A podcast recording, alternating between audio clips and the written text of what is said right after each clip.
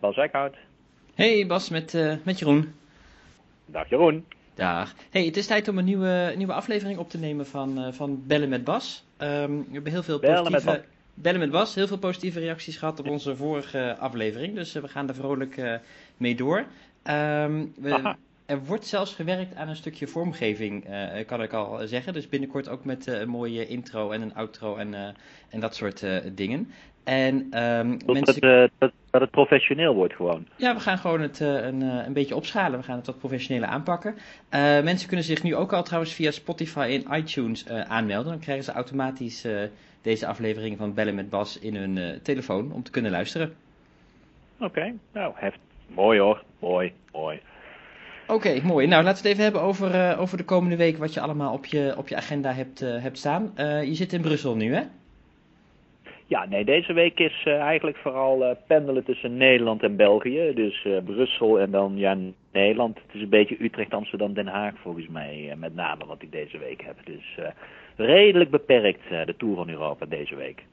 Yes, maar je bent dus in, in Brussel, want het is een, een, een, een commissieweek. En dat betekent dat er, dat er vergaderingen zijn van de subcommissies van het Europees Parlement. Ja, dat, dat klopt. Ja, nee, dat is ook wel, uh, dat vergeten we natuurlijk soms nog wel eens. Hè. We zijn bezig enerzijds met de campagne, maar tegelijkertijd, er is nog ongelooflijk veel wetgevend werk dat afgerond moet worden.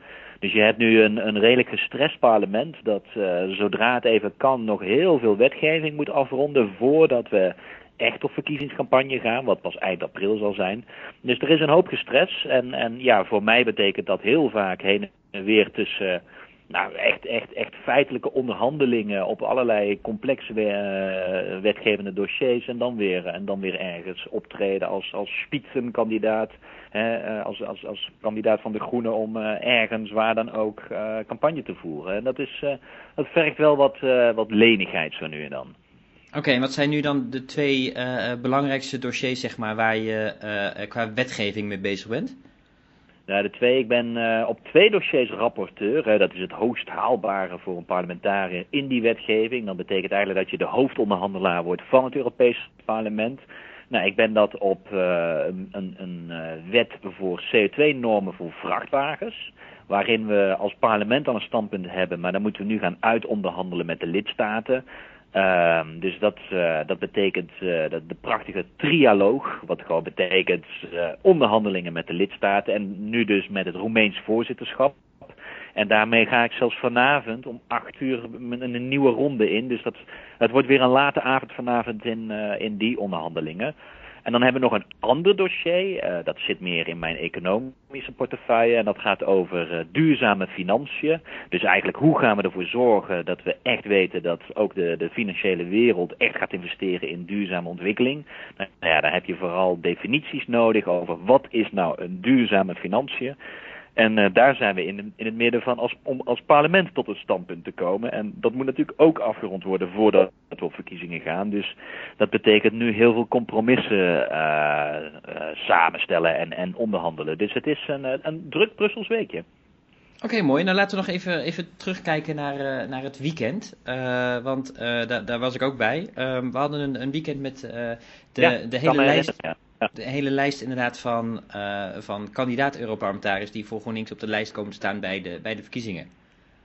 Ja, ja dat, is, dat, was, dat was eigenlijk wel een leuk weekend. Dan moet ik zeggen, de weekenden zijn dan schaars. Dus, dus uh, het, dan, dan was dit wel een mooi moment om als kandidaten bij elkaar te komen. Dus we hadden de, de hele lijst, we hebben twaalf mensen op de lijst staan. En ja, dat betekent gewoon eigenlijk voorbereiden van de campagne in Nederland hè, voor GroenLinks.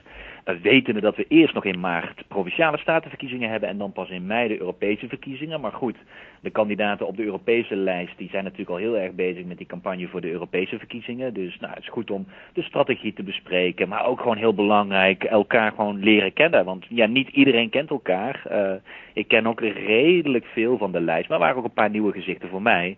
En dat is gewoon fijn om in zo'n weekend elkaar goed te leren kennen. Ja, zeker. Dat was ook inderdaad een, een gezellig weekendje. Um, ja, toch? Ja. ja. Zeker, zeker.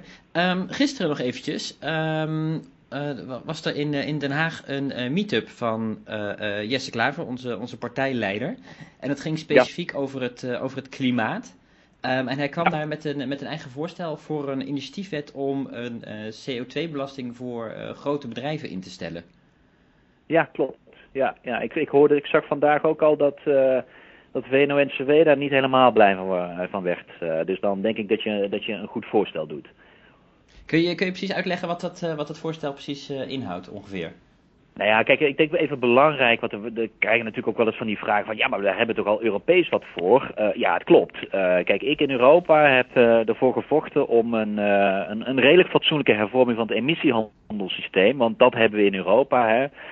we hebben geen belasting op Europees niveau, omdat, nou ja, probeer jij maar eens een een, een, een akkoord te krijgen in Europa op belastingen. Want belastingen is nationale competentie. En dat betekent, daar mag elk lidstaat dus een veto over uitspreken. Nou ja, voordat we dan een Europese CO2-belasting hebben, kunnen we heel lang wachten. Dus in Europa is ingesteld een emissiehandelssysteem. Dat is interne markt, dus geen veto's voor de lidstaten. Uh, ja, dat functioneert tot nu toe, nou ja, nog niet al te denderend. Dus was uh, hoog tijd aan een, uh, een hervorming daarvan. En die hebben we vorig jaar afgerond. Dus eigenlijk hebben we nu tot en met 2030 helder hoe Europa uh, via een emissiehandel een CO2-prijs gaat bepalen. Maar we weten ook allemaal dat nou, ten eerste veel van de industrie daarvan is vrijgesteld. Of dat betekent ze krijgen heel veel gratis rechten. Dus, dus ook daar hoeven veel, uh, veel van die rechten niet eens betaald worden door de industrie. Plus dat de CO2-prijs die we daaruit halen, nou hij ligt nu rond de 20 euro per ton CO2. Ja, dat is absoluut niet genoeg om uh, Parijs te halen. Uh, dat weten we ook Europees, dus er is al wel toegezegd, we moeten dat gaan herzien, maar dat wordt pas 2023 of ver weg. Nou ja, tot die tijd is het dus heel goed dat landen zelf gaan zeggen, nou we moeten dus, we hebben Europees hebben een emissiehandelssysteem, geeft een soort bodemprijs voor CO2, maar voor die landen die verder willen en kunnen en moeten, die kunnen nog met een nationaal voorstel komen. Dat hebben de Britten al gedaan, de Zweden doen dat. En uh, nou, Jesse heeft nu voorgesteld voor Nederland om dat ook te doen. En dan dus specifiek met een CO2-belasting voor de industrie. Um, die dus verder gaat dan, dan de CO2-prijs die uit het emis Europese emissiehandelssysteem komt. Ja, en landen mogen dat ook gewoon zelf doen, dat ze verder mogen gaan. Ja, ja, dat is het uh, mooie. Het is milieuwetgeving. En uh, in milieuwetgeving mogen landen altijd verder gaan dan het Europese. En dat is ook hard nodig. En het idee is natuurlijk dat als nu genoeg landen ook weer nationaal verder gaan beleid vormen, dat dat weer een extra druk geeft om Europees weer het emissiehandelssysteem aan te scherpen. En we hopen eigenlijk in die tandem telkens uh, het, het beleid beter te kunnen maken, zodat we uiteindelijk die Parijsdoelen, die klimaatdoelen ook kunnen gaan halen. Ja, dat betekent continu het heen en weer werken van nationaal beleid en Europees beleid en elkaar versterken en hopelijk stimuleren om meer te doen. Dus ik ben, ik ben erg blij dat, uh, dat er nu zo'n voorstel ligt en ik hoop dat, uh, nou ja, dat dit kabinet, het groenste kabinet uh, heb ik gehoord, ja, dat, ze, dat, ze dit, dat ze dit zullen omarmen om, om echt er ook voor te zorgen dat de prijs van klimaatbeleid ook eerlijk verdeeld wordt. Ja, nou ja, we gaan het zien. Uh, in het voorstel staat dat die, dat die, uh, die CO2-belasting in principe per 1 januari 2020 zou, uh, zou in moeten, moeten gaan. Dus dat wordt nog even hard, hard werken. Um, dat dus wordt dit, even werken, maar daar vertrouw ik eerst wel op. En dan begint het met 25 euro, dus dat is al hoger dan wat het huidige emissiehandelssysteem. En daarna zal dat snel toenemen. dus, dus dit is echt additioneel aan wat we Europees hebben. Hartstikke goed. Oké, nou we hadden het nog heel even al over, over belastingbeleid. En dat daar inderdaad alle landen van, uh, van de Europese Unie een eigen veto op hebben. Dus het heel moeilijk is om, iets, uh, om daar iets uh, voor elkaar te krijgen. Um, dat maakt een mooi bruggetje naar ons, ons belastingonderzoek dat we vandaag presenteerden. Um, onze groene fractie heeft onderzoek laten doen. En daarin hebben ze de belastingdruk voor multinationals vergeleken. Dus wat er op papier staat. Wat dus officieel in de wetgeving een, een multinational aan belasting moet betalen. En wat multinationals in de praktijk uh, betalen. En wat blijkt nou? In Nederland uh, moet een multinational op papier 25% belasting betalen. In de praktijk blijft dat maar net iets meer dan 10% te zijn. Dat is toch wel echt een ja, schokkend, en het, schokkend verschil. Ja. Ja, en dat hebben we voor elk land gedaan. En uh, er zijn landen waar de kloof tussen, uh, tussen theorie en praktijk nog groter is, zoals uh, Luxemburg. Maar eigenlijk zie je in elk land dat ja, hoe groter de bedrijven, hoe beter ze in staat zijn om de mazen in de wetten te gebruiken om in de praktijk gewoon minder winstbelasting te betalen. En ja, dit is natuurlijk een van onze, dit wordt een van onze prioriteiten ook voor de campagne. Uh, om te laten zien dat, kijk, Europa uh, slaagt erin om goed een interne markt te regelen. Het slaagt erin om milieubeleid te doen. Dat, dat is altijd een soort basis, dat kan beter. Maar daar levert Europa al wel stappen in. Uh, maar op, op het sociale gebied, eigenlijk de bescherming van de werknemers, maar ook de consument, zien we toch te vaak nog dat het vooral de grote bedrijven zijn die van profiteren. En ja, dan moet iemand anders betaalt die prijs. Hè? Want als, als je als overheid steeds minder belastingen binnenkrijgt van bedrijven, nou ja, dan gaan ze het op iets anders uh, overhevelen. Dus of hogere belasting voor consumenten, of je krijgt de hele discussie over het uh, snoeien in, in de uitgaven. Nou ja, en de uitgaven van een overheid zijn natuurlijk heel in grote mate het sociaal vangnet. Denk aan onderwijs, denk aan zorg, denk aan pensioenen. Nou ja, daar wordt dus ook veel op bezuinigd. Nou ja, dat, dat, die kerndiscussie, die proberen we ook weer met deze studie aan te zwengelen. Ja, zodat we er wel echt een keer voor gaan zorgen dat, dat, dat bedrijven binnen Europa eerlijke belastingen gaan betalen. Maar dat betekent ook een, een moeilijke discussie, zeker in Nederland, voor uh, ja, hoe lang gaan wij nog tolereren dat wij zogenaamd soevereiniteit hebben door belastingbeleid nationaal te kunnen doen.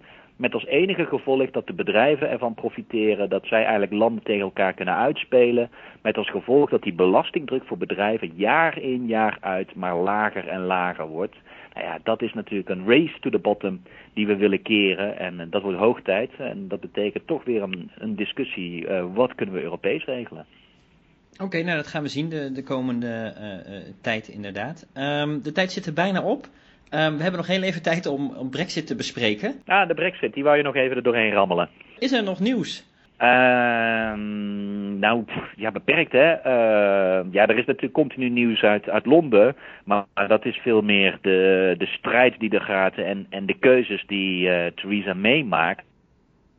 Maar eigenlijk, uh, als je ziet dat Theresa May haar eigen uitgangspunten in stand houdt. Uh, en dat betekent dus uit de interne markt, uit de douane-unie, dat, dat wil ze. Nou ja, als dat jouw uitgangspunten zijn, ja, dan lijkt vanuit een Europees perspectief je, je eigenlijk redelijk vast te manoeuvreren in de deal die is uitonderhandeld en die zo is weggestemd door het Britse lagerhuis. Dus ja, deze tactiek, het lijkt erop dat May toch vooral bezig blijft met proberen haar eigen partij uh, te verenigen. Ik wens haar veel succes daarbij. Uh, op een deal waar eigenlijk wel de rek uit zit. Dus ja, de enige manier die ik zie is of dat May haar eigen rode lijnen loslaat. En dan zijn er tal van nieuwe mogelijkheden, ook vanuit Europees perspectief.